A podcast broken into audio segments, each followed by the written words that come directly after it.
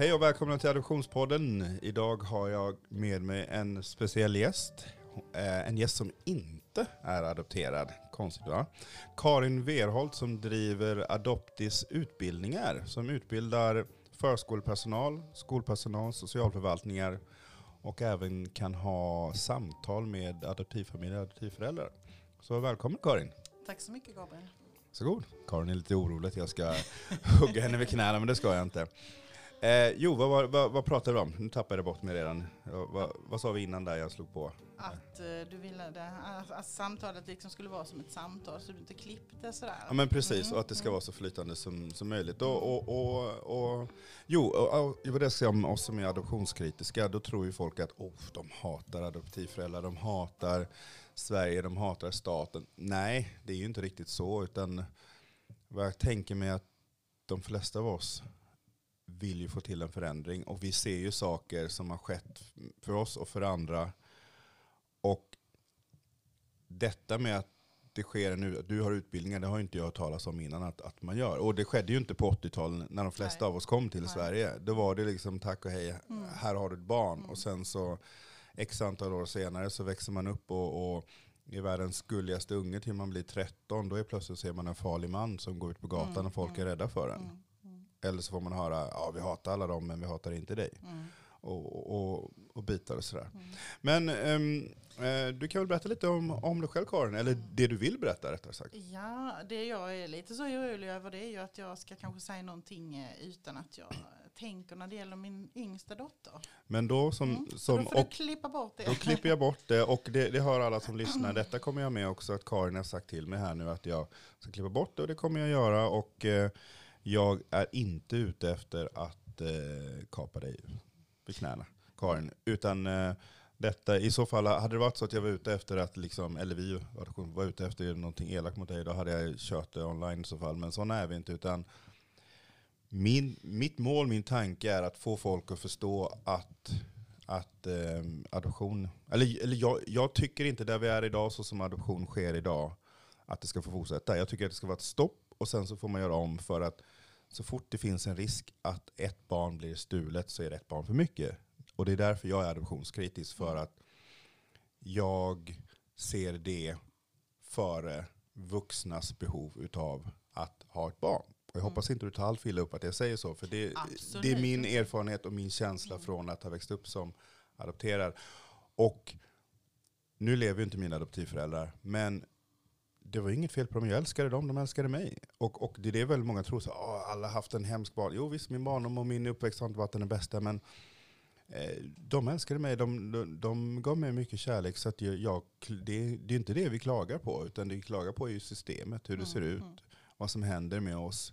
Och, och nu idag, där när man är aktiv och diskuterar de här frågorna, så blir det ofta, och ursäkta nu blir det som att jag tittar ner på dig, det är absolut Mm. inte meningen. Det är för jag valde att sitta. Ja, så här, man, vad, nej, vad heter det? Härskarteknik. Ja, ja. Det är det jag Men kör. Jag, jag, eh, jag klarar det. Ja, det är. Eh, nej men att, att, ehm, eh, att vi, eh, nej men att jag, jag vill att vi, vi har inte blivit hörda för att om du tittar på de som är kritiska så är de flesta säger att om vi är så trötta på att få höra att vi ska vara tacksamma. Mm, Tacksamma för vad? För materiell lycka? Ja okej. mm, Men många av oss går omkring med den här tomheten utav, och det här traumat som jag är så glad över att du skriver om på din Mm, hemsida. mm. Så att, eh, det var ju också så här bara, ja, här är någon Mm. som förstår och någon som Mm. inte bara puttar undan att vi har ett enormt trauma. Vi har trauma som, alltså i mig, så det, det har gjort ont varje dag i hela mitt liv. Jag har gjort saker i mitt liv, jag har självmedicinerat så pass för att bli av med den här smärtan. mm, mm.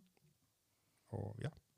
Jag, ska säga, jag är inte rädd för att du ska kapa mig längs knäna. För du, det, jag har lyssnat på de andra poddavsnitten och det är alldeles för trevliga samtal för att jag ska, ska göra det. Utan det är mest det här att jag ska vara rädd att jag halkar över på någonting som jag inte vill lämna ut. Jag blir ofta så engagerad och så, Mm. så då vill man liksom berätta om sitt eget eller där man får erfarenheterna ifrån. Och då kanske Ebba hamnar lite i för mycket i fokus. Ja, ja. Ja, Nej, det är men, mest men, att jag är orolig för att man skulle säga någonting eh, så. Men hon har gett mig okej. Det Jag frågade henne om jag fick vara här och prata med dig. Och kul. jag tycker det är liksom Och hon sa, ja, ja du kan prata om mig som bara du inte pratar om skolan och mina kompisar. Så att eh, de ska jag väl undvika Ja, att ja, ja. prata om då.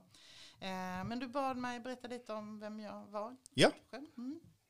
Jag eh, bor här i Malmö, har gjort sedan ja, 87.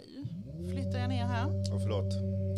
Nu eh, flyttar vi bordet. ja, ja, men jag insåg att jag, jag, jag har aldrig varit sån som, som ståbord, jag hatar det. Ja, ja. ja men det är, det är bra att stå upp och... Jag vet, men jag, Mm, jag har alltid ogillat också. det. Liksom, varje gång det kommer sådana ergonomiexperter, Ja. bara ja men nu ska ni alla här stå upp. Stå upp också. Ja, Ja. men det, det är ju faktiskt konstaterat att det är bra att göra det. Mm. Nej, men då flyttade jag ner till Malmö för att börja eh, på högskolan här, så jag läste till förskollärare. Mm. Så jag har jobbat och mött barn och familjer i 30 år ungefär blir det nu. Mm. Eh, så att där är väl eh, ja, den bakgrunden till att man eh, kan det här med förskola och skola då. Mm. Och sen träffade jag min man för många år sedan och vi eh, stannade här, köpte hus och ja, började familjelivet och så. Och vi har tre barn tillsammans. Okej. Johanna är 25, blir 26 snart. Eh, Mm. Filip är 22 och så har vi Ebba som är precis nyligen fyllda 15. Okej. Och är de äldre två biologbarn? Om man, alltså jag jag De hatar är- uttrycket biologbarn. Ja. Jag såg någon som skrev det i någon grupp och bara, vad biologbarn? Ja, men ja. Eh, ja, det är de. Och vi säger inte biologbarn eller Nej, biologiska barn. Men jo, men jo, men i vissa sammanhang så gör jag det. Därför att Mm. man måste, om man inte är inne i det här med, med adoption och, och pratar om det, så, så tänker jag att då förstår man inte riktigt vad jag menar när jag säger att jag har två barn som är icke-adopterade Mm. och så ett barn som är adopterat. ja. Och jag hörde det här för många år sedan. Jag tror det var eh, någon föreläsning jag var på som, eh, där de sa det. Då. Ja, men icke-adopterade kan man ju faktiskt säga. Ja, men det är ju det de är. Alla tre tillhör vår familj och Mm. ja, det känns konstigt. Jag, jag presenterar ju aldrig barnen som det utan just när man frågar då om är de biologiska eller Mm. är de Mm. inte? Eller Mm. är alla tre adopterade? Nej, säger jag, det är de inte då. Nej. Mm, nej, så det är Ebba som är adopterad och hon är född i Kina. Mm. Okej. Och eh, vad ska jag berätta mer om mig själv? Eh, jag är specialpedagog sedan 2006. Jobbar just nu faktiskt på ett gymnasie som Mm. specialpedagog. Träffar ungdomar i åldern då 16 till 20-21 ungefär. Jättespännande. Ett Mm. nytt, eh, en ny ålder fast Mm. samma lösningar på samma problem säga, när man är liten och ehm, ofokuserad och svårt att koncentrera sig så, så lösningarna är ungefär de samma. Men det är jättespännande. Men jag jobbar fortfarande som eh, riktad mot förskolan också som specialpedagog. Och sen så har jag då de här föreläsningarna Mm. som går ner i antal eftersom intresset, eller jag ska säga intresset kanske inte minskar, men antalet barn som är adopterade som har behov och som visar det på förskola och skola minskar. Mm. Och då minskar antalet pedagoger också och därmed så minskar antalet föreläsningar. Mm. Eh, Eh, och när du säger att det minskar, är, är det så att oftast att förskolorna själva har kontaktat dig eller är det du som kontaktar dem eller, eller när det här behovet uppstått? För, för att för mig nu, och detta går ju emot min, min, min, egentligen min värld, för att jag vill ju bara säga nej, nej, nej, men jag är jätteintresserad av det du, har, det, det du gör. Och, och att det, men det beror väl också på att, eller nu vidgar ju mina vyer också i och med att detta fanns ju inte när jag själv växt, alltså, växte upp. Det närmaste som fanns var ju eh, någon adoptiv eh, grupp, förening som, eh, för, jag är adopterad från Haiti som då för barn som var från Haiti. Men jag kommer ihåg, och, och det är också en stor anledning till varför jag är väldigt anti-adoption. Men det är ju, jag har ju förstått också nu när jag pratar med många i uh, anti-adoptionscommunityn att det är väldigt skillnad på dels om man är pojke eller flicka. Och extremt mycket var man kommer ifrån. Eh, som till exempel din dotter kommer troligtvis inte uppleva ens i närheten av allra sist som jag har fått uppleva. Mm. För att hon är asiat. Mm. Och eh, dels då ljusare hyn. Mm. Eh, och sen så har ju Sverige ett närmare släktskap. Så med vad ska man säga så att det sägs rätt, men eh, kvinnliga asiater Mm. än vad det har med svarta afrikaner Mm. i princip. Ehm, Å andra sidan så ses ju kvinnliga asiater Ja. som Mm. en annan synvinkel. precis. Mm. Och, och, och, och den diskussionen, jag vet inte om du har hört den, men den har vi haft Mm. förut. Bland jag och Nittya har ju haft den om, om Mm. i och med att hon är från Indien. Mm. Mm. Och hon är asiat, men hon upplever ju inte den biten. Mm. I och med att hon inte är den typiska östasiatiska Nej, precis. kvinnan. Eh, men eh, ja, eh, nu vet jag inte alls vad jag var på väg. Men det var någonting om, om, om jo, att, att, att vi kom in på att, att, Mm. eh, att den här då, dels att då eh, din dotter och andra östasiatiskor som är adopterade troligtvis får och upplever en hel del sånt. Och det har ju bland annat Madeleine Inva Björk Mm. och andra Mm. pratat om att det, det ser ut så. Mm. Hur, hur tänker du kring det? Hur, hur, jobb, hur, jobbar man i, hur jobbar du med det? Hur pra, pratar man om det? Pratar du om det på dina föreläsningar? Hur, hur tänker man där kring då den sexualiseringen Mm. som då sker kring kvinnokroppar, östasiatiskor? Alltså det, just det här med kvinnokroppar så pratar vi inte, ska mig? Ja, du kan vrida dig lite sådär. Ja. det pratar vi inte Okej. så mycket om. Eller inte alls kan vi säga. Eh, därför att på den här föreläsningen så sitter det ju förskolor och skolpersonal och där är barnen upp till nio år. De har liksom Mm. inte hunnit dit än så att de är inte där. Men rasism och fördomar, diskriminering, det pratar vi absolut om. Eh, och att jag hör ju och eh, ser och får samtal från föräldrar och man läser på de här sociala medierna så att där är ju redan barn i 4-5 års åldern som blir ja, utsatta på olika sätt. Du är brun som bajs och Ja. saker. Och då, då, det pratar vi om och bland annat att man alltid ska ta sånt här på allvar. Att man kan inte bara, ja ja men han menade inte det. Nej. Utan att man ska ta det på allvar till exempel. Och, men, men det här med kvinnokroppar och sånt, det pratar vi inte om där. Däremot, jag har ju också den här obligatoriska föräldrautbildningen. Och där har jag ju blivande adoptivföräldrar Mm. eh, som måste gå den här utbildningen innan man får göra en ansökan om adoption hos socialförvaltningen och där eh, göra en medgivandeutredning då inför adoptionen. Och där pratar vi ju absolut om detta. Mm. Mm. Och eh, vi har ju bekanta som har rest med sina barn eh, som då är 15-16 år och blivit ifrågasatta om det är deras döttrar som Mm. de för in i landet eller ut ur landet. Och Även om de har svenska pass och så, så blir man ifrågasatt. Eh, Mm. så, så att eh, vi pratar om det där också. Mm. Mm. De, de här ja. föreläsningarna, för att du, du sa det att det, det fanns inte förut. Mm. Eh, och eh, vi fick Ebba 2005 ja. och eh, då fanns det, det kom ganska många barn och det var många adoptivfamiljer och man ville ha någonstans att träffas och det fanns liksom inga riktiga mötesplatser.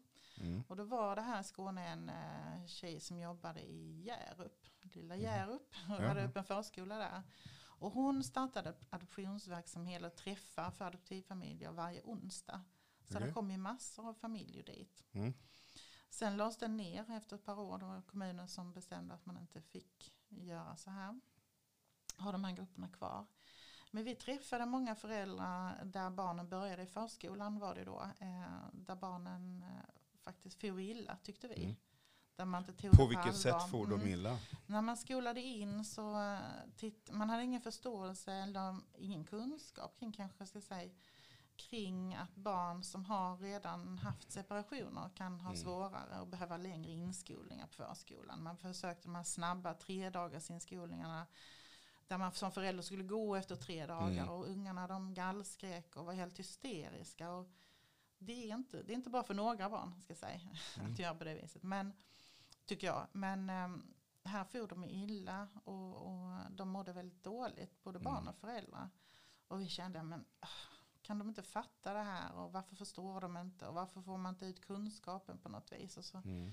höll vi på och klagade över det här eländiga då. Och så tar då Cecilia eh, som jobbade i Hjärup, eh, men Karin det är kanske vi som ska få ut kunskapen. Och då sa jag, du är inte riktigt klok. Mm. Jag kommer inte stå och ha föreläsningar för folk. Men hon var envis.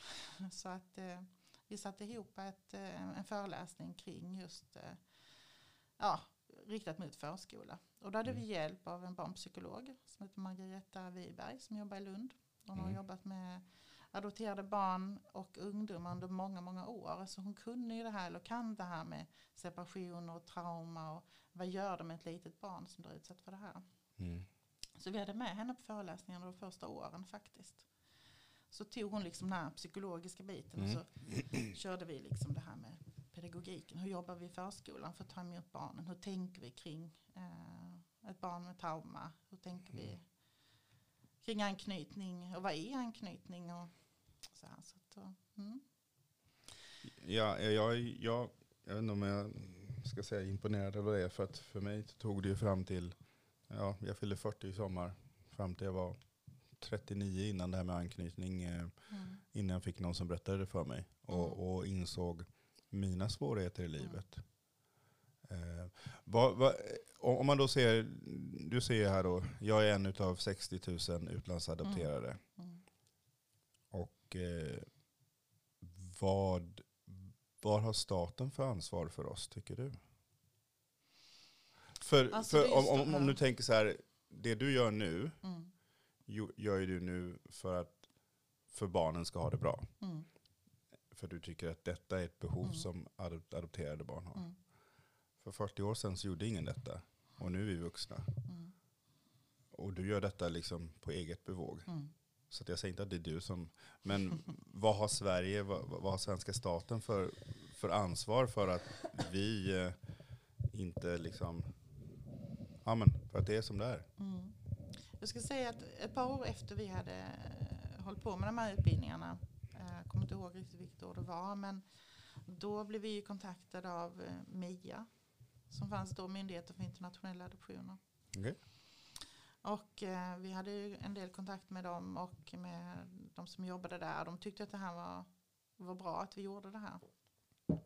Och de eh, satte igång en egen utbildning. Fick ju bidrag för det.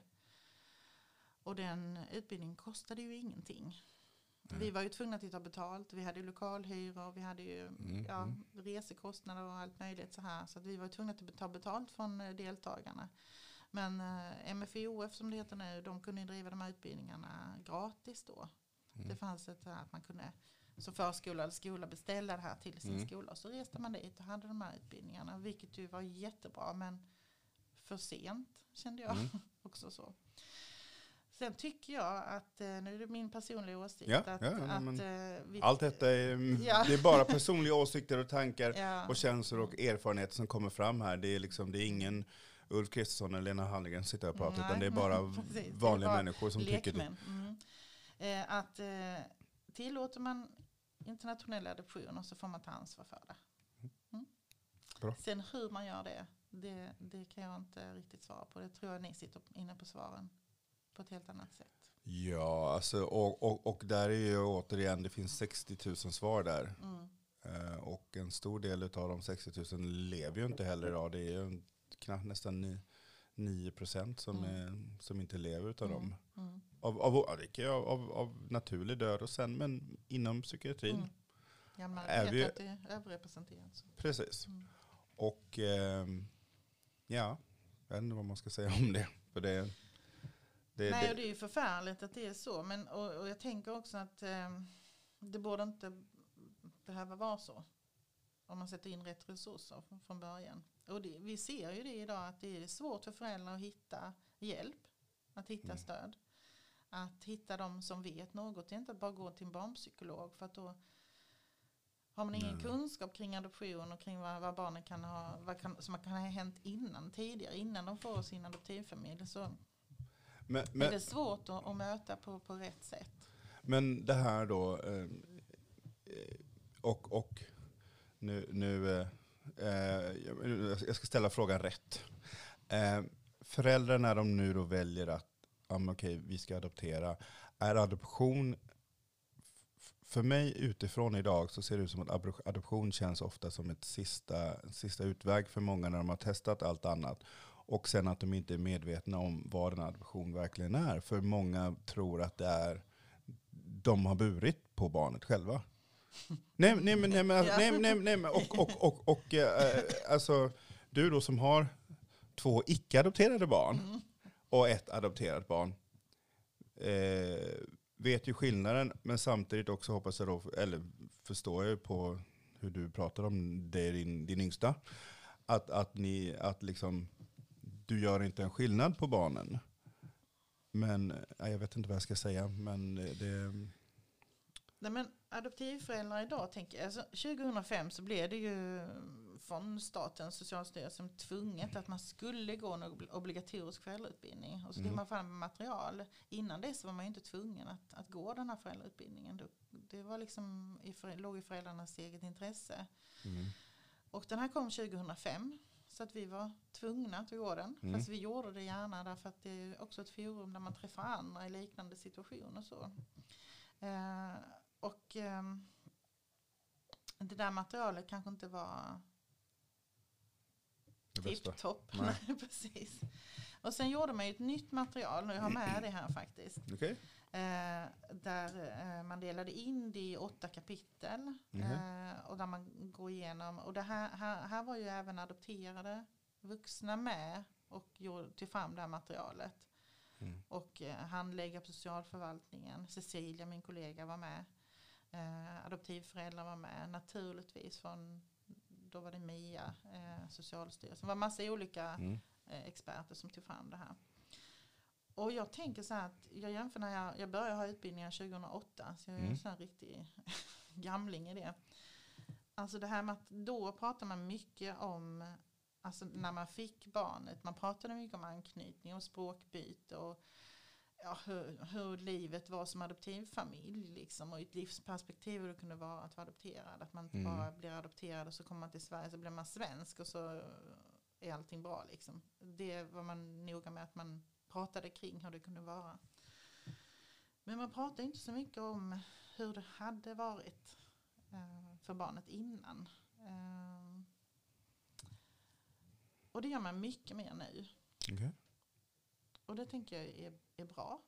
Att man vet som förälder, det kommer inte ett litet spädbarn på en månad, för det gör det inte längre heller.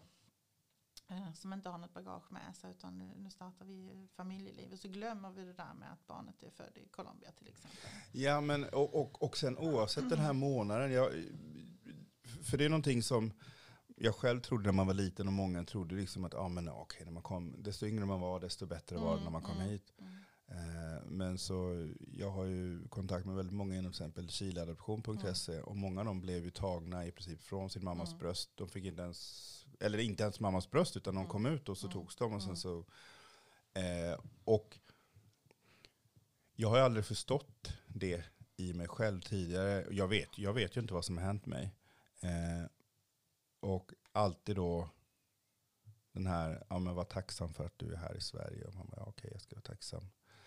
Men sen när man tänker nästa steg och bara alla som säger det, men tänk om jag hade tagit ditt barn vid åtta månaders ålder och skickat det till USA och sagt att "Men det har mycket bättre i USA nu hos en Mm. miljardär. Där. mm, Det här, folk hade ju bara nej. mm, För det enda som jag ser det är ju att vi har det bättre materiellt här.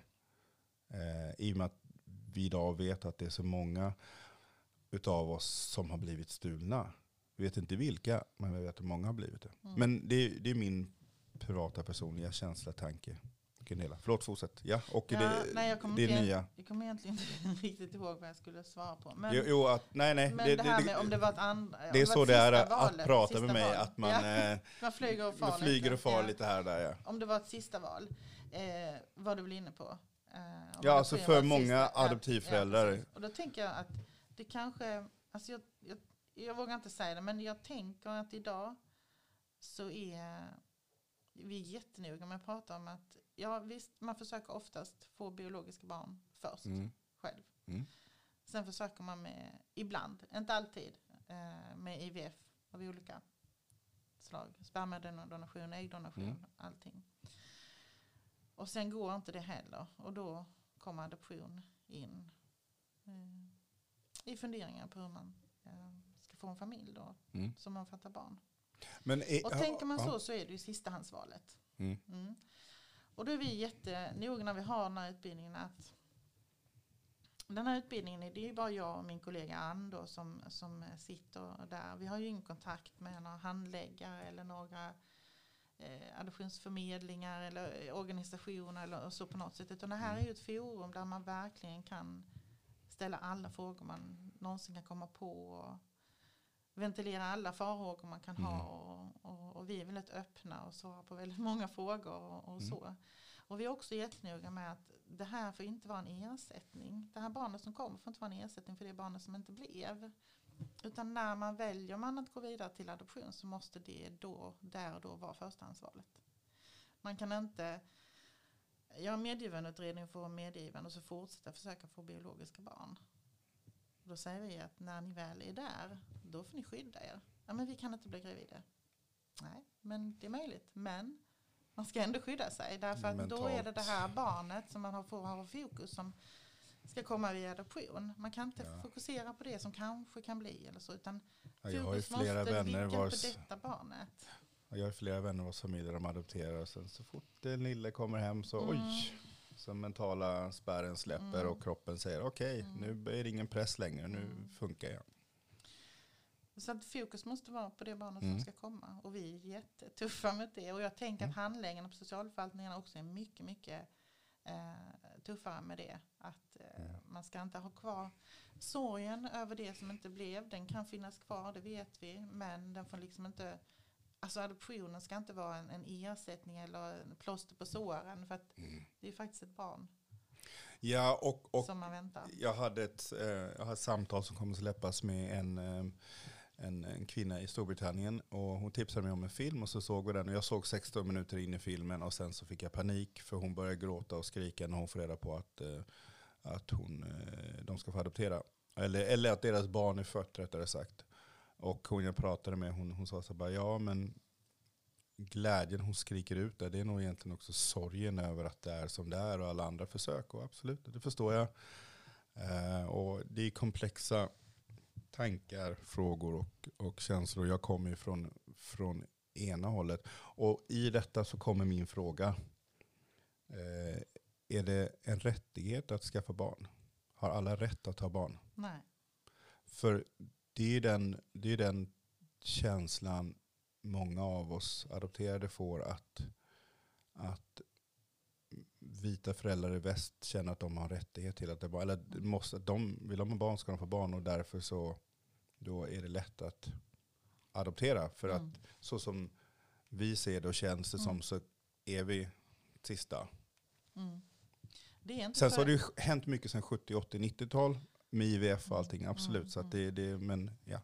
och, och nu snack om surrogatmödraskap Mm. och det är vi Mm. absolut inte för. För det är samma sak där, barnet Mm. ligger i en mage och har Mm. ett hjärtslag och så kommer ut och så går till någon annan. Okej, det, Men- Mm. mm. Nej, föräldrar har inte rätt till barn, men barn har rätt till föräldrar. Ja. Mm. Och det, det är faktiskt någonting som vi också diskuterar. För att syftet med den här föräldrautbildningen är att man ska kunna få så mycket kunskap och mm, få möjlighet att diskutera så, så att man kan fatta ett beslut. Och det är inte alla som går vidare till adoption. Mm. Eh, men där är en av frågorna är, om det inte blir något barn, vad händer då i ditt liv? Vad, kan du hitta annan, annan mening med livet? Eh, så att det är faktiskt en ganska stor diskussionsfråga. Eh, och den tänker jag är viktig att man tar upp. Ja, men är, det, är, det, är det andra som vill att vi ska ha barn? Eller är mor och Ja, farföräldrar? Är det, är det jobbkompisar som nu, ja men nu är det väl ändå dags. Och blir man, liksom, man kanske kan ta det, nej men vi vill inte ha några barn. mm. Vi är nöjda som det, liksom. vi kan hitta annat i livet. Och det är viktigt att man får fundera på den tycker jag. Mm. Mm. Mm. Ja, ja, nej, jag, jag, jag, jag, Så nej, det är absolut ingen rättighet att ha barn. Det är härligt, men det är ingen rättighet. ja, jag, Därmed tar man mycket skyldigheter. Jag skaffade barn och det var ju, för mig var det ett, eh, dels vill jag, eller för mig handlade det väldigt från tidigt från början om att jag ville ha en familjekänsla, när- ha någon, något, något, någon Mm. som är mitt, Mm. mitt legacy, Mm. någon kommer. Medan många adopterade inte skaffar barn för att de, den känslan känner jag inte igen och jag, och jag frågar alltid de som känner så hur, hur de har kommit fram till den, för den är ju så långt ifrån Mm. min. Och det är samma sak med att det finns ju adopterade som är jättenöjda med adoption och tycker det är det bästa som finns. Mm. Medan det finns då adopterade som mig, som inte är det. Och Mm. det är väl svårigheterna som jag ser det att hantera de som är adopt- adoptionspositiva respektfullt för man kanske inte tycker det utifrån sina egna erfarenheter och vad man ser runt om i världen. Eh, och, och, ja. Hur, hur tänker du kring liksom nu, nu använder jag min värna röst här för att jag inte ska skrämma dig överhuvudtaget. Du är snäll. Ja. Men-. Ja, nej men hur, hur ser du på... Ja, men du förstår, alltså, jag är absolut inte ute efter att, att eh, nå- något dumt mot dig här Karin. Det är tvärtom. Nej, du ser väldigt snäll ut. Ja, och, och jag, jag, är, alltså, jag är jätteglad över att du gör det du gör. Eh, samtidigt kan jag inte neka till att, att jag har känslan av att så länge det finns barn som skäls där ute, varför finns det då adoptioner? Och jag förstår att du inte har svaret. Har du någon tanke eller någonting du vill säga kring det? Eller så så tar jag bara bort det sen. Det är upp till dig. Eh, jag ska säga så här att för 15 år sedan när vi var igång med, vi hade precis vår, vår pappa registrerad i Kina och så, så då, då fanns det inte några tankar alls på att det kunde gå, att det inte gick rätt till till exempel, utan det var noga med det här etiska och Ja, fast det kan Att bero på allting- att en Nej, viss alltså då, partiledarkandidat mörkade Ja, saker Nej, men alltså, så var det ju då. Va? Jag Mm. hade inte tankarna att det skulle kunna vara någonting som Nej. Inte var rätt med adoptioner eller eh, så. Man hade sett de här rumänska barnhemsbarnen där det var fruktansvärda förhållanden på Mm. barnhemmen och man hade liksom Ja, jag, hade, jag, jag kan tänka, eller då tänkte jag inget kritiskt alls utan jag bara tänkte att det här är ett fantastiskt sätt att ehm, eh, möjlighet för, för barnen att få familj och vi Mm. ville gärna ha barn och vi hade en barnlängtan även om vi hade två sedan innan och ja allting var liksom nej men det kändes så bra så rätt allting. Mm. Men sen kommer ju det lite mer och jag är ganska öppen för att jag vill det bästa. Du sa innan att man ska behandla eller att det verkar som jag behandlar barnen likadant och, och det gör man ju. Men utifrån deras, alltså jag kan ju inte behandla alla tre exakt likadant. Nej. Men kärleksmässigt så, så är det ingen skillnad på kärleken till, till barnen. Eh, men jag, jag är ju öppen för, jag tar ju reda på. Jag började, det var ett Instagram, eller ett Instagram, in, jag kan inte prata längre, Instagramkonto som Mm. var väldigt adoptionskritiskt. Eh, och till adoptanter och till allt. Och jag blev jätteprovocerad Mm. när jag läste det här. Och när då eh, andra hade någon invändningar så var det väldigt eh, kritiskt svar. Och jag bara kände att det här är ju, ja hon är helt ute och reser. Och så hemska är vi väl ändå inte vi adoptanter. Och, och sen började jag tänka, men eh, jag, måste ju, jag, är jag är ju adoptant, jag har ju ett barn som, är, kommer, som kommer att bli vuxen. Mm. så är det. Mm. Ehm, och då var ju inte Ebba så liten, eller så hon var ju liten, hon var inte så gammal, hon var kanske 7-8 år.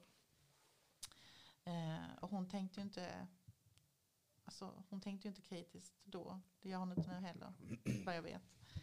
Men, men jag, jag började liksom tänka, nej men jag läser och så, och så ser jag vad jag läser och så Mm. försöker jag ta det till mig istället för att liksom bara säga att så. Mm.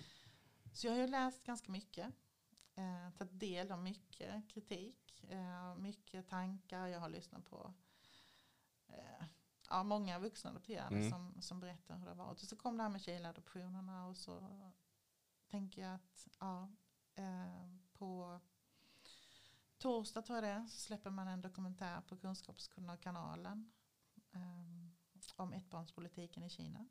Mm. Och jag tänker att den är inte speciellt trevlig att se.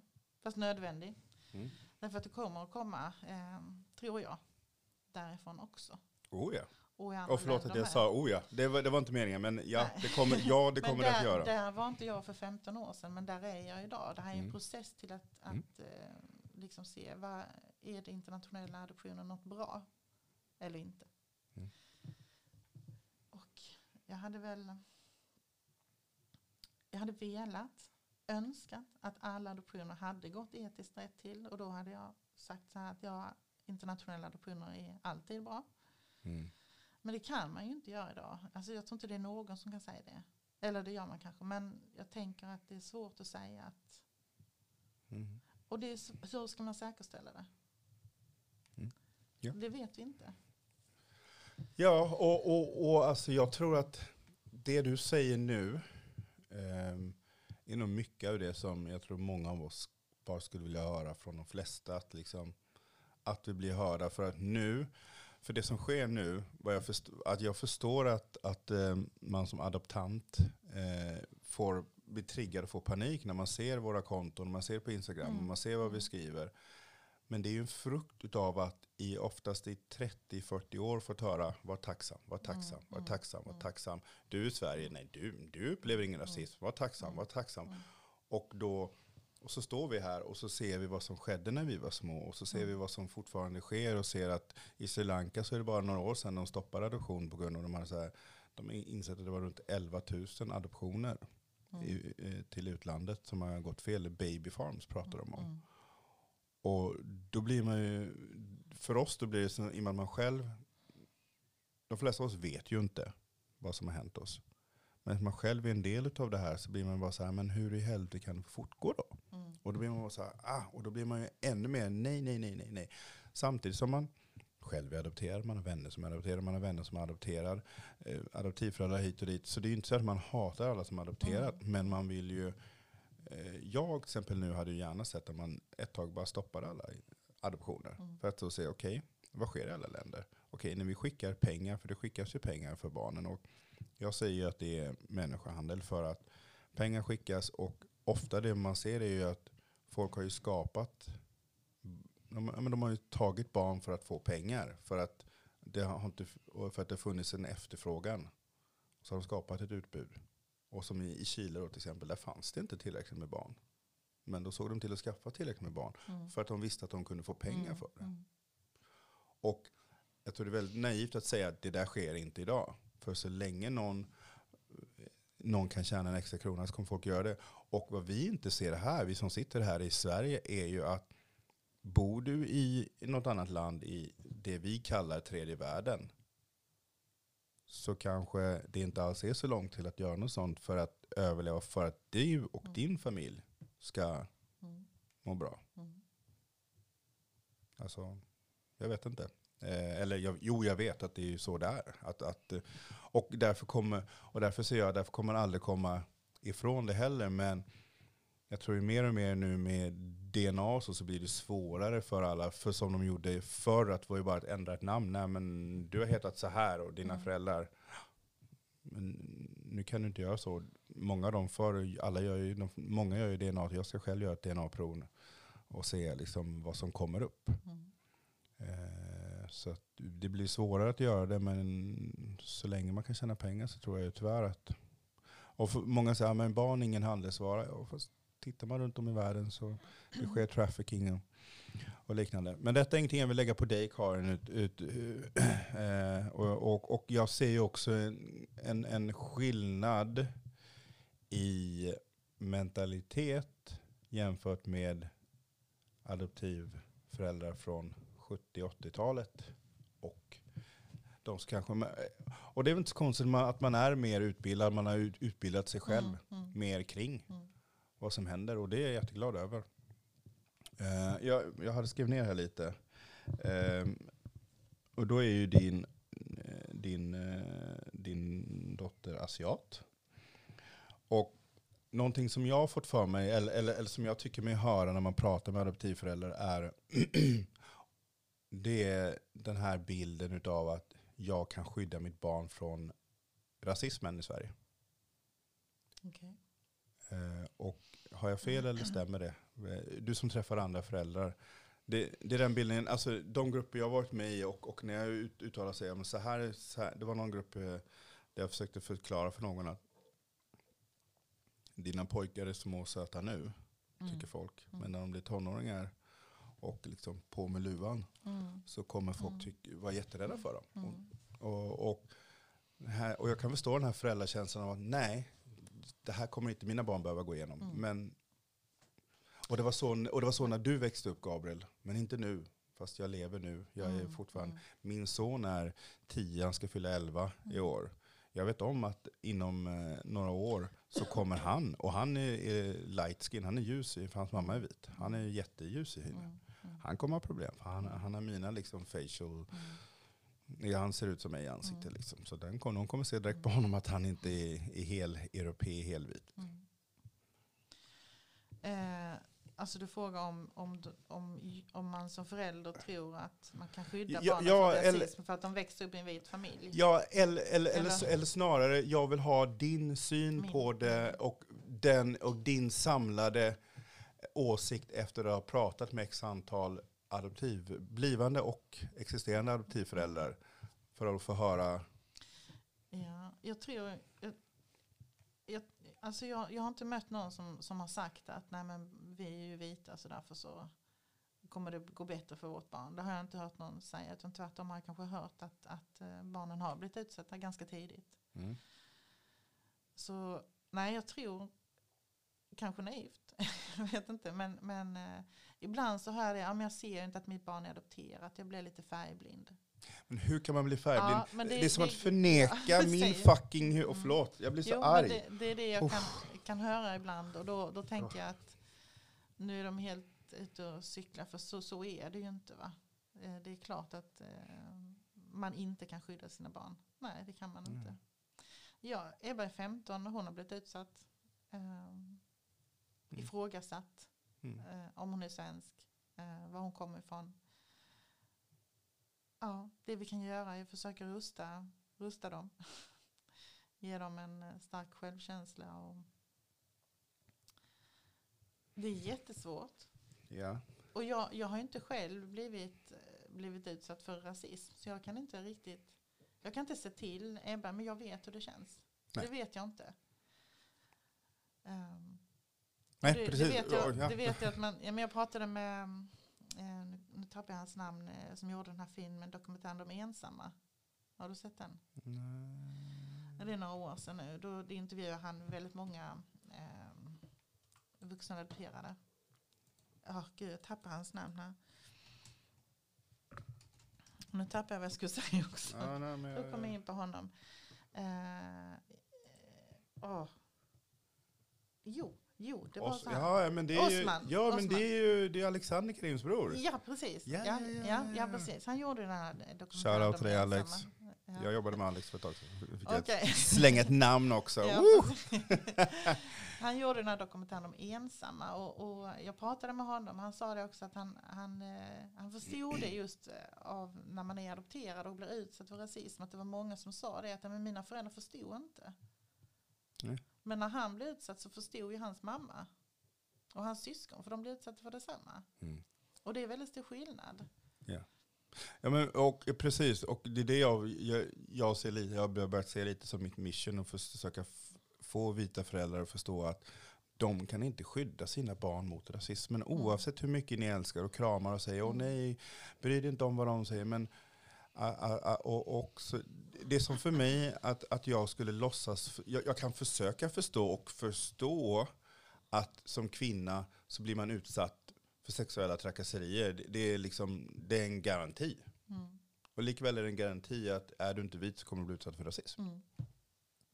Men jag upplever att det är många som inte vill se rasismbiten, men de kan se att, att man blir utsatt för sexuella trakasserier, det är inga problem att se. Men, eh, och, och det är liksom, ehm, ja men det som, ehm, och också i många familjer, fast det kanske har mer att göra med, med oss som var 70, 80, 90-tal, eh, innan världen blev global på samma sätt och man diskuterade och saker togs upp. Eh, och rasismen kanske är mer ute i de gamla, de gamla adoptivfamiljernas. Eh, men det här man inte liksom s- vill, så det här med om jag är färg, jag ser inte färg. Mm. Okej. När jag var liten, jag, fick, jag har ju fått höra det så många gånger. Det, jag ser inte färg, jag är färgblind. Eller, eh, oh, jag, jag ser inte dig som svart längre. Eller de, du är mycket bättre än dem. Mm. Men du är adopterad, du Ja. behöver inte ta åt dig de här rasistiska skämten. För Ja. jag också Ja, lite att- och, och, och, och, och folk, och att få höra det.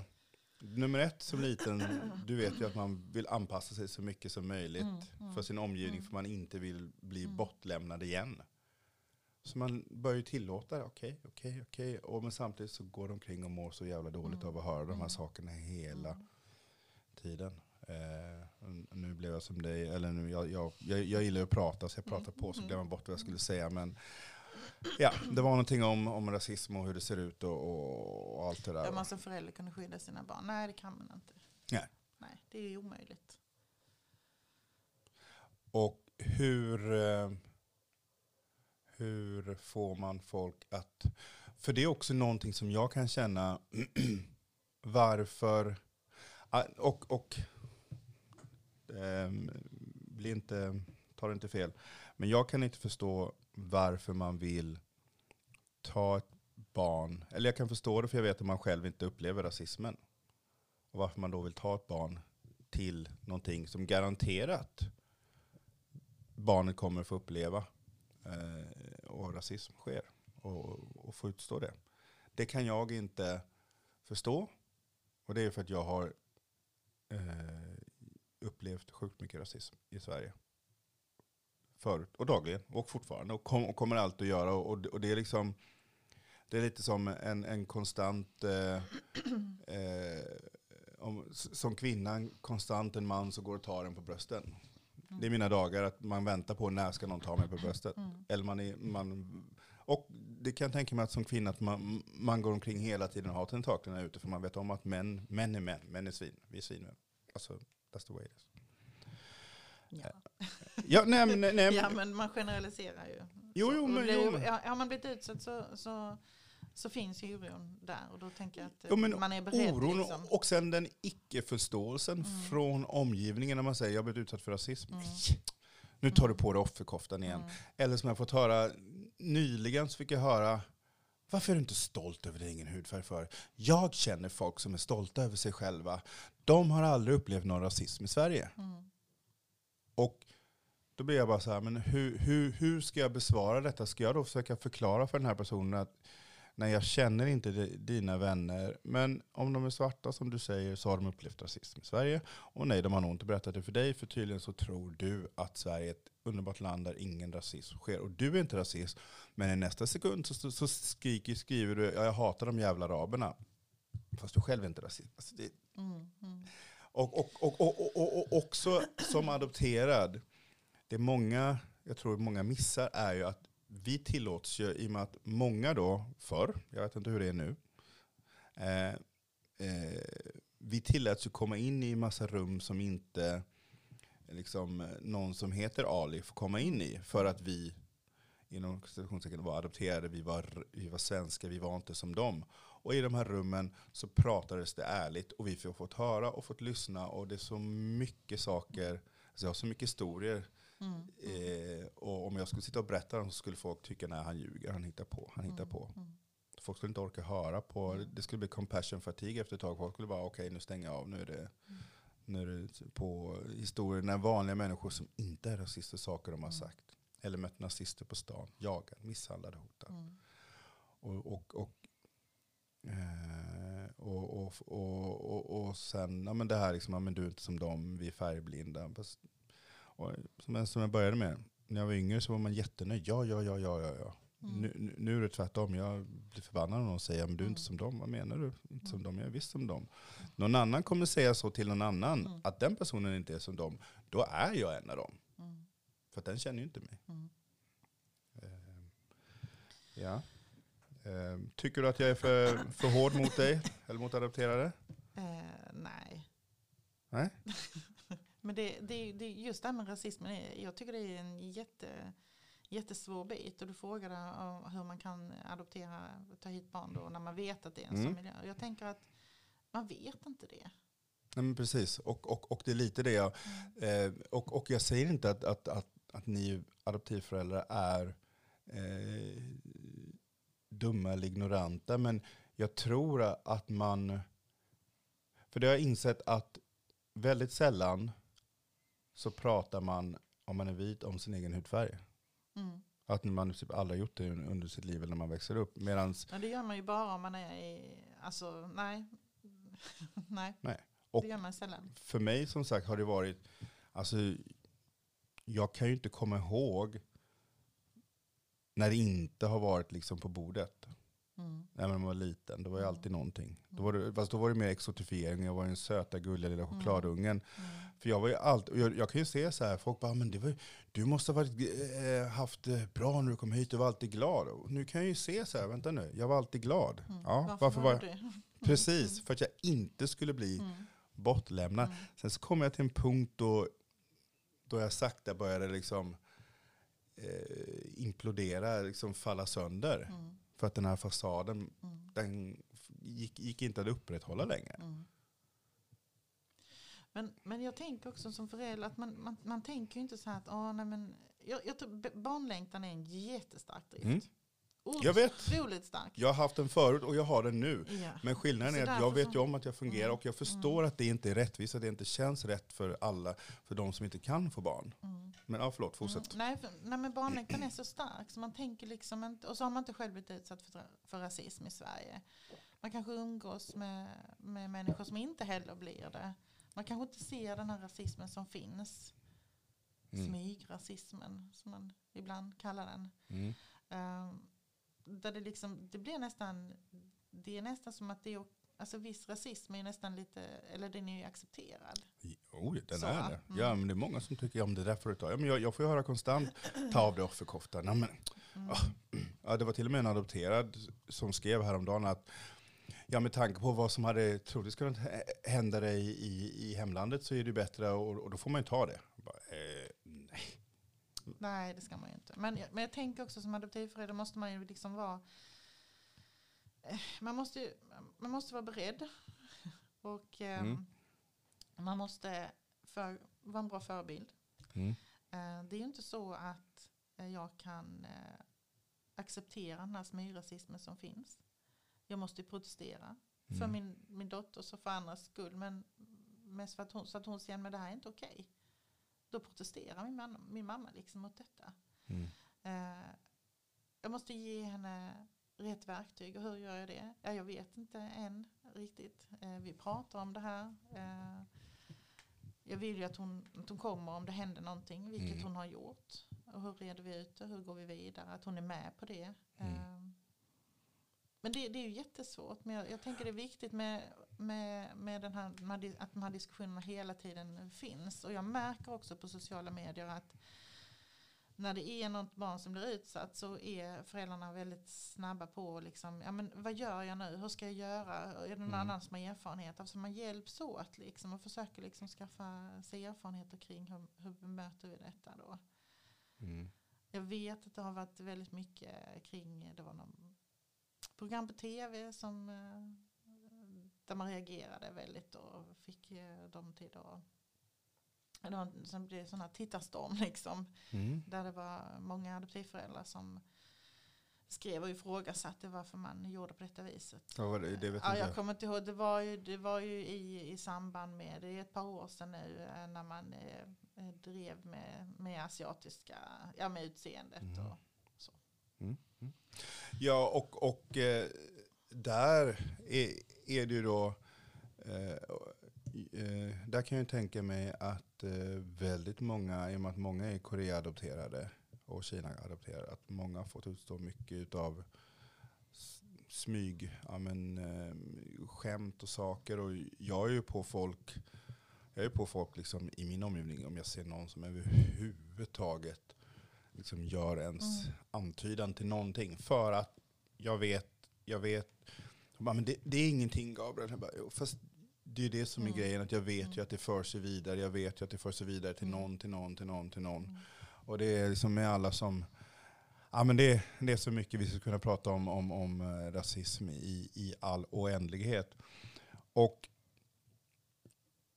det tycker jag är ganska intressant att, eh, att eh, även om vi har olika syn på saker och ting och åsikter och så, så eh, tycker jag ändå det är häftigt att, att eh, vi ändå touchar base lite i, i den här eh, rasismsidan. Att, att, och, åka, eller för mig känns det bra att träffa en förälder som då, även om jag visste, det, det, det är lite golfhandikapp här, att du Mm. redan är, är woke som man Mm. säger, men ändå. ehm, för att eh, det tror jag är, är, är det stora för många.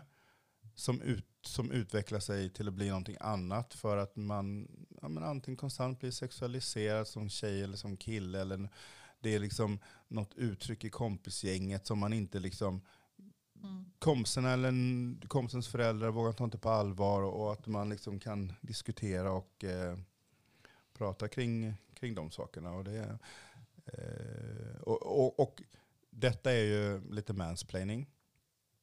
Men vad jag tror att många föräldrar borde göra som då är adoptivföräldrar. För många tycker ja men vi åker tillbaka en gång om året och får barnet uppleva sin kultur. Och fast de får uppleva sin kultur med dig, med sin familj. Den får inte men vad man borde göra är att i Sverige så borde man hitta någon som ser ut som sitt barn, som är vuxen, eller halvvuxen eller tonåring i alla fall, som barnet kan ha kontakt med och prata med om de här sakerna. Till exempel sånt, jag, jag lovar ju att, att, eh, att det finns ju tusentals kvinnor, adopterade asiat, asiatiska kvinnor i Sverige som gärna hade, när din dotter i framtiden råkar ut för någonting, som gärna hade bara vattenstöd. Okej, okay, jag har upplevt detta och detta. Och inte, för jag tror att väldigt många föräldrar känner att det är jag som är föräldern, det är jag som ska Mm. förklara det här. Mm. Men om du inte kan, som min mamma, jag kommer ihåg, det var, jag är uppvuxen på Öland.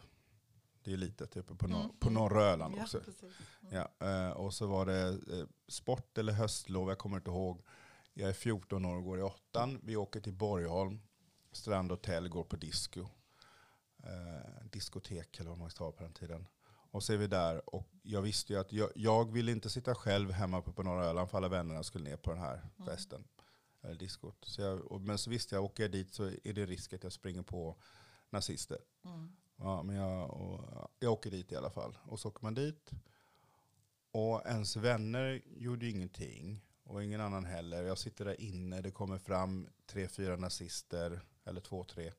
Och, och lägger någon lapp besvara, bevara Sverige svenskt, VAM och allt vad det nu var. Vilket då är SD-folket. På den Mm, tiden var det mm, SD. mm. Är därför jag inte gillar SD överhuvudtaget. Eh, vi är där inne. Jag håller mig i mitt hörn. Försöker se till så jag har överblick. I, idag kan jag inse att jag betedde mig som en, en, en kriminell på den tiden. För jag hade alltid koll på alla utgångar, vad jag kunde röra mig och så. Mm. Disco slut, vi går ut, är vid vattnet. Eh, vi, alla går ut ungefär samtidigt. Helt plötsligt så dyker de upp och eh, tar tag i mig, trycker upp mot väggen, slänger mig runt. Och hade de tryckt till mig då så hade jag åkt ner i, i, i hamnen. Eh, puttar lite på mig, sen så kommer någon eh, fritidsledare och skriker på dem. Och, och då går jag och en kompis in i en telefonkul, för på den tiden man hade Mm, ja, telefonkortet in. Nej, precis. Och så slog, ringde och sa ja, vi kommer med bussen den här tiden. eh, Och då stod de och bankade och, slog på den där. Och så kom vi hem, jag hoppade i bilen och så frågade mamma då, ja, hur var det? Ja, nej men det var idioter som sa det där. Bara, "Ah, Nej, det är idioter, de ska du inte tänka på. Och det, det, var, det, var, det, det var liksom det jag fick Mm. från någonting som, där jag hade varit rädd för att Mm. En, en vinterdag hamna i vattnet Mm. på grund av som jag Mm. såg ut. Mm. Och jag säger inte att det är så idag för, för barn där ute, men, men det var ju så det var på den tiden. Och det finns ju säkert adoptivföräldrar där ute som inte tänker på det här med rasism, som de kanske borde göra. Eh, och eh, ja, jag, jag vet inte vad jag vill komma med det hela. Mer än att jag vill bara berätta, jag vill försöka få, jag vill försöka få folk att förstå att din, ditt goda hjärta och din vita hud kan inte hjälpa dina barn alltid. Ibland måste man se Mm. Mm. att, att eh, du får ta hjälp utifrån eller lyssna på folk som säger Mm. att ja, men så här är det. Ehm, jag, eh, Jag tror alla håller med dig. ja, jo men det, det tror jag med att de skulle säga, jag håller med. Men sen så är det, liksom, jag har suttit i och skrivit Mm. i grupper och jag får mothugg Mm. på det jag säger. Mm. Jo, Du kan inte komma här och säga till den att den ska göra så här med sina barn. Nej, jag säger inte hur den ska göra med sina barn. Jag säger vad som kommer hända. Du kan inte jämföra det med när du växte upp. Nej, det kan jag inte. Eller jo, det kan jag förresten. För Fast att, idag har vi ju andra svårigheter med Snapchat och Facebook. Nu kanske inte ungdomar hänger så mycket på Facebook längre. Men de sociala medierna är Mm. ju en, en bra grogrund. Eller snabb Absolut. grogrund till, till olika former av... absolut. Och, och, och när jag växte upp så hette, då var det inte Sverigedemokraterna, då var det Ny Demokrati Mm, istället. mm, mm. Eh, och eh, nej, precis som du säger, ja, det är grupper och, och det med andra. Men, och för det viktigaste jag har, har förstått senare år är det att, och det var någonting med fotboll, det var så här, eh, Champions League mot rasism eller det var något sånt där. Mm, Alla mm. spelare stod på rad och, Mm. och så kom jag, kom jag på det. Men vänta nu, vadå mot rasism? Det är ju inte, in, det är inte när folk kommer in på läktaren som rasismen börjar ju hemma. Mm. För när jag var liten, när jag var, här måste vara, jag vet inte vilket år det var. Eh, om det var i samband med kriget Irak, Iran eller något. Ja, men det är i alla fall 80, det, det är mitten på 80-talet någon gång där. Mm. Badhallen på, på norra Öland. Och jag är där. Och tydligen då så har jag skrikit, oj vad mycket svartingar det är här. Har du, Jag sa det som, som fyra, fem, sexåring. okej. Mm. Mm. Då har det sipprat ner. Inte från mina föräldrar tror jag inte, jag tror från Man har omgivningen. hört, ja. Man har hört det. Folk har pratat med mig i närheten. Mm. Och, och då säger folk, oh, vad hemskt att det är så. Men det är så folk pratar idag, runt Mm. middagar, runt jul. Mm. Jag, jag vet jättemånga som, har, eh, då, som skriver som har kommit hem tillbaka från jul och bara har suttit och fått lyssna Mm, på. mm, Och, och folk, där folk inte ser att, men vänta, du pratar om de här invandrarna. Jag är invandrare. Mm. För är man inte född i Sverige, då automatiskt räknas du som invandrare. mm, Och alla de mesta adopterade som utlandsadopterade är ju födda i ett annat land. Mm. Så då är man invandrare. mm, Och du sitter då och säger, nej fast jag räknar ju inte dig, nej men någon annan räknar mig. mm, mm. Då är det så många. Eh, ja, eh, Karin, är det någonting du vill, eh, du vill tillägga, någonting du säger, tycker här, ja men eh, där har, har Gabriel och Adoptionspodden eh, fått mig att framstå fel, eller jag vill tillägga någonting, eller eh, ordet är fritt. Ja, Jag kommer inte ihåg vad jag har sagt faktiskt. jag tänker du har inte reagerat så mycket så eh, negativt på vad jag har sagt. Eller sådär, oh vad sa hon nu? Så Nej. jag tänker att jag har inte sagt något eh, konstigt. Men eh, jag tänkte på det för du frågade faktiskt för ett tag sedan hur jag fick, eh, hur pedagogerna fick reda på utbildningarna. Ja. Att de fanns. Bra att du Så kan vi backa till det. För det är faktiskt, jag tänker Ja, att det är bra. ganska viktigt. Mm. Eh, för att det är ju så här att om man, om man inte vet att man saknar kunskap så söker man inte den. Eh, så att det är faktiskt ofta så att det är föräldrar som säger till pedagogerna att hörru du, det finns en utbildning, eller en, Mm. eh, ja det är fyra timmar, eh, om adopterade barn. Eh, kan ni inte gå den? För att där kan ni få annan kunskap än den ni har. Mm. Så det, det är ofta genom föräldrarna. Eh, sen skickar jag ut, jag har en hel del mejladresser till, till personal både i förskola och skola och socialförvaltningar. Eh, där jag skickar ut inbjudningar när det är eh, föreläsningar. Då. Så att det, men det är ofta föräldrar eh, och det är också ofta föräldrar som mejlar och frågar ska du inte ha en föreläsning eh, snart för att eh, nu börjar mitt barn i förskolan och jag känner att eh, de inte riktigt förstår vad jag säger eh, när jag har pratat om inskolning och, och sådär. Mm. Så att det är, alltså jag, jag måste säga att föräldrarna är ju enormt eh, alltså, aktiva i detta och de är väldigt Mm. måna om att det ska gå bra och fungera. Liksom. Så att de är en stor del i att man får deltagare helt enkelt. Men vad härligt. Så det är väldigt bra. Och utan eh, att eh, ja, de flesta säger när de har gått utbildningarna att varför gick vi inte den här innan barnet började? Mm. Då hade vi förstått mycket mer. Ja, för, för, för, för det är precis som, och det är kul för, nu ska jag knyta samman det här, men jag, jag vet inte hur många avsnitten vi redan har gjort som du har hört. Men Nitya säger i något av avsnitten så tar hon upp det här och jämför att ha ett adopterat barn eh, att, är som att ha ett barn som har autism. För skaffa, har du ett barn som har autism så vet att det barnet har vissa behov. Mm. Och likadant är det med adopterade barn. Mm. Men det har du redan fattat. Mm. Så det, Absolut. Ja, nej men det, och det, det är jätte, jag tycker det är häftigt att, att, att inse att, att när man är så kritisk som jag är så är det också kul att samtidigt säga okej, fan nu fick jag, nu, all, alla är inte liksom, alla har inte, eller det finns de som har koll. Eh, och, och eh, det verkar som att, att eh, adoptivföräldrar idag, baserat på vad du säger, Mm. eller vad det intryck jag får från dig, så är, är adoptivföräldrar mycket mer medvetna om, om allting runt omkring än vad det var förr. För då kändes det som att det var mest var bara, åh ett barn, tack, hej. Ja. Ja, Jag nej, vet inte nej, hur det var för men jag, jag, Ja, nej, jag men- tänker att jag möter väldigt många och läser väldigt mycket kloka inlägg. Och jag möter många. Jag hade Mm. samtal med en precis innan jag kom hit som, som var lite orolig för när man skulle börja skolan till hösten. Hur gör vi nu liksom för att det ska bli så bra som möjligt. Och man, är, ja, man är påläst på Mm. ett annat sätt.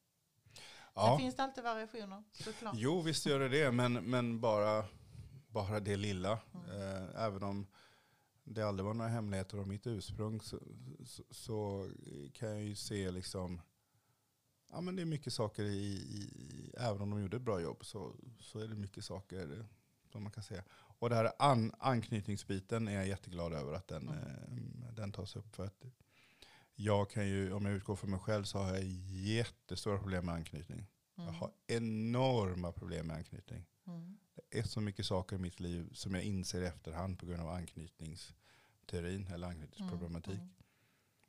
Och, det, och det, det är häftigt när man inser det. Men samtidigt så, så är det, usch, så mår man dåligt också. Man inser att, okej hur mycket, och när, när man inte vet vad det är. Mm. Jag vet inte vad det är som har hänt mig. Jag vet Nej, inte om, om det var så att jag togs ifrån min mor eller om någon, hon gav ifrån mig Mm. frivilligt. Jag vet ju bara att jag har ett enormt hål där Mm. som alltid har varit. Mm.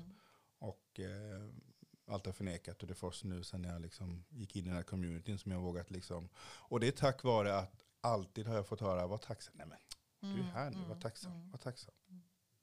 Jag har faktiskt, jag har, faktiskt, eh, jag har hört eh, en, en säga det en gång till Ebba. Eh, Och det var när vi, vi var i ett asiatiskt land. Mm. Och då sa flygvärdinnan att hon skulle vara tacksam för att hon hade fått komma till Sverige. Det är en gång jag har hört, Mm. jag har hört någon säga det till henne. Och jag bara, nej det är vi som ska vara tacksamma. Ja, för, för, Det är ja. inte hon. Hon har Nej. inte valt detta. Nej, för att liksom eh, folk tror att, att mat, eh, de flesta av oss, de flesta tror jag någonstans är överens om att kärlek trumfar pengar. Mm, mm, Och, och de flesta skulle nog byta materiella saker de har i Sverige mot en, en kärlek utav sin familj. mm. Och ha en familj. Och ha en, en, en, en eh, ja men veta vem man är, var man kommer ifrån. Vem är min morfar, vem är min farfar, Mm. vem, vem är... Ja. ja det, Urs- Ursprunget är viktigt. det är extremt viktigt. Och folk som säger, men, ja, ja, ja, men det är ju ofta folk som vet, som har full koll på sin, som vet om sin gammelfarfars farfar som, eh, som stack till Amerikat Mm, eller gjorde mm. si eller så. De, de har koll på det. Mm. Eh, vad tänker du, eller snarare så här. Eh, jag ska avsluta, Karin ska snart få gå vidare. Eh, och av vad vi har pratat om, min, det jag kokar ner det hela till, det blir år 2022 när tyvärr troligtvis ett visst parti kommer bli störst i Sverige. Och det kommer inte underlätta för många adopterade. Många kommer bli lurade att tro att de, eh, att de passar in där och att ja, men du är inte som de andra men vi är som de andra. Vi, och att jag vill att folk tar det med sig. Att, eh, och även, jag kan inte säga åt dig vad du ska ta på din utbildning eller säga eller så, men jag tror att det blir väldigt viktigt de närmaste åren här. För vi, det, blir, det sker en sån polarisering i samhället. Eh, och den märker man kanske inte då som vit förälder hur barnet påverkas också i samhället när man är ute. När man är ute och går på stan, när folk tittar på en. Mm. För att själv så är det ingen som tänker så på föräldern, men barnet. Eh, och jag vet ju, de andra tjejerna har ju berättat om när de är ute med, med sina föräldrar, med sina pappor, vad de får. Eh, eh, ja, men ibland att de har fått ofta så bara, ja pappa. Ja. För att någon ska bara. Okej, oh, det var 90 jag berättade hon åkte på någon bussresa med sin pappa nere i Mm. Europa. Och på bussen så hade folk, hon bara, yes daddy. Mm. Ska det bli fel också, men ja. I alla fall. Eh, Karin, stort tack för att du kom och att du vågade vara här och prata med oss. Mm. Eh, jag hoppas att du inte eh, blev allt för förskräckt. Och eh, Nej, får vi se om jag vågar lyssna på det. det, det, det är nog ingen fara för att eh, jag tycker du har sagt väldigt bra saker. Jag tror att de flesta som lyssnar på oss eh, kommer ha en positiv bild av dig och eh, Adoptis. Eh, och är det som sagt du är förskollärare, eh, skola, socialförvaltning och du har förstått, eller förstår nu när du pratar och eller hör oss, att ni behöver utbildas. Så adoptis.se. Och eh, stort tack till Karin. Och eh, jo, om det är så att nu eh, det kanske är så att folk eh, inte vågar höra av sig till mig utan hör av sig till dig och säger saker eller ställer frågor. De får gärna slänga dem vidare till mig eller om folk Mm. uttrycker någonting. Och skulle det vara så att du vill komma tillbaka så är du varmt välkommen. Mm. Eh, Så vi säger Tack. tack så hemskt mycket. Ja, tack, tack.